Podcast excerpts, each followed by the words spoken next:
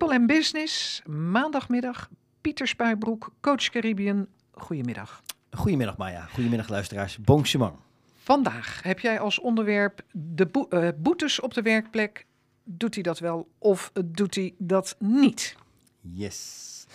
Ja, en uh, uh, boetes op Curaçao die, die mag je onder bepaalde omstandigheden aan medewerkers opleggen. Hè, als ze iets doen wat, wat niet de bedoeling is. En de vraag is, is dat nou een goed idee? of niet. Er zijn allerlei mogelijkheden voor. Ze staan vaak in de arbeidscontracten. En soms dan wordt er geschermd met uh, draconische bedragen. Van, nou, als je dit doet, nou, dan, dan mag je betalen hoor. Ehm, en dat gaat dan over het lekken van informatie opzettelijk of het opzettelijk kapot maken van dingen, uh, uh, waardoor je dan een, een boetebeding kan, kan opleggen.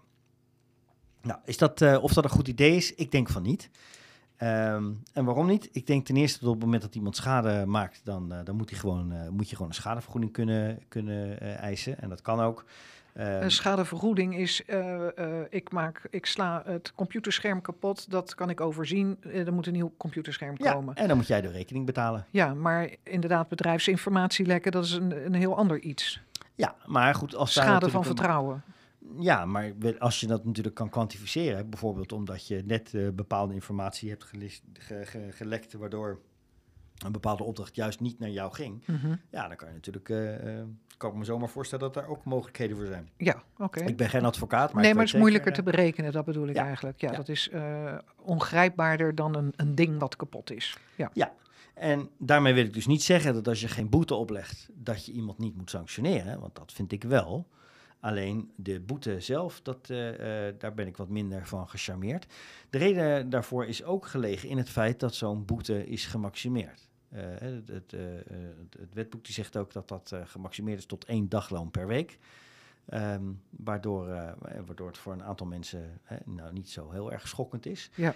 En wat ook zo mooi is, is dat het niet ten goede van de werkgever mag komen. Dus je moet het in, uh, in een sociaal iets storten. Ik zeg nou ja, wat. wat. je ook ja. doet, het mag ja. niet ten goede van jou komen, blijkbaar. Terwijl jij wel de schade leidt, eventuele schade. Exact. Dus dan is het dus veel verstandiger om dat, dat met te zeggen. Joh, Pieter, je hebt mijn beeldscherm kapot gemaakt. Dat deed je uh, omdat je daar zin in had en niet omdat het per ongeluk ging.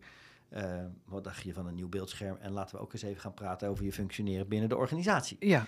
En dat wil ik dus wel nog. Uh, uh, kijk, op het moment. Dan is niet jouw reactie, joh, ben jij helemaal goed in je bovenkamertje? Daar is de deur.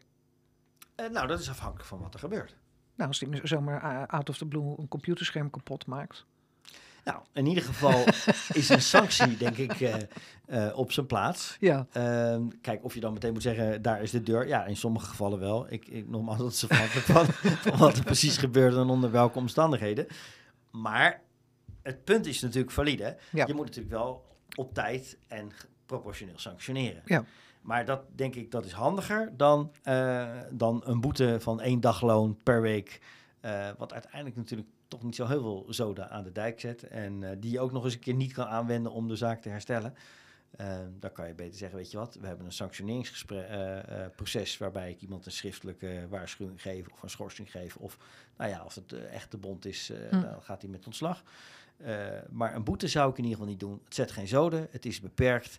En, uh, en je loopt nog kans dat het averechts werkt ook. Want op het moment dat je straks alleen maar een boete krijgt en geen schadevergoeding, dan, uh, dan heb je nog meer. Uh, Snij je jezelf in de vingers. Maar dus, ja, jij, haal, jij hebt het, de, de rechten er al bij gehaald. Eigenlijk is het een beetje scheef, vind ik. Dat je dat, dat als er iets moedwillig kapot gemaakt wordt. En, en ja, dan moet jij het als al. Dat is al lastig. commotie op de werkplek. En dan moet jij dat uit je eigen portemonnee weer gaan verplaatsen, gaan, gaan, gaan, gaan vervangen. Mm -hmm. En ja. ja. Ja. dat is natuurlijk ook. Uh, kijk, je, je, kan je natuurlijk afvragen hoe het komt dat iemand blijkbaar dat in zo'n emotionele ja. staat komt. Ja. Maar dat is juist. Uh, en, en daar heb je goede HR-managers voor. Of Coach Caribbean kan het ook voor je doen op het moment dat je denkt dat er een disciplinair onderzoek nodig is. Dan doen we dat ook met alle vormen van plezier en genoegen. Uh, om te kijken hoe je daarmee omgaat. En om ervoor te zorgen dat... Dat zoiets niet... Uh, nog, nog, een keer, keer gebeurt. Ja. Maar wanneer, wanneer moet je een, een, een, uh, ja, een boete doen, maar ingrijpen? Wat... wat ja, je hebt, je hebt mensen die, die, doen iedere keer een beetje, die zijn een beetje onhandig, zeg maar. Dan heb ik het niet over het kapotmaken van de schermen. Die lopen altijd op zo'n randje van, nou, kan dit nou wel of kan dit nou net niet? Eh, is het dan inderdaad beter om iemand van buitenaf erbij te halen?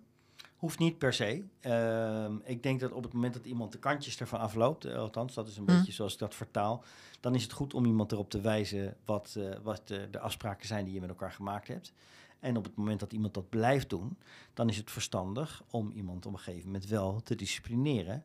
Eh, waarom? Omdat je op een gegeven moment de normen en waarden die je met elkaar afspreekt, die zijn er niet voor niks. Die zijn er om een werkomgeving te creëren waardoor mensen productief zijn en bijdragen aan het belang van de organisatie in de tijd dat ze betaald worden. Hm. En op het moment dat je zegt, ja, er zijn mensen weet je, die, de, die de kantjes ervan aflopen of die net wel, net niet.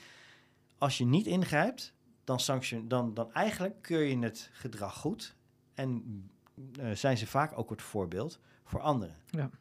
En dat is, erg, eh, dat is erg onhandig. En wat we in praktijk heel veel zien, is dat, eh, dat eh, ondernemers niet of te laat optreden of heel incidenteel optreden, waardoor ze ook niks in handen hebben op het moment dat het escaleert. Ja.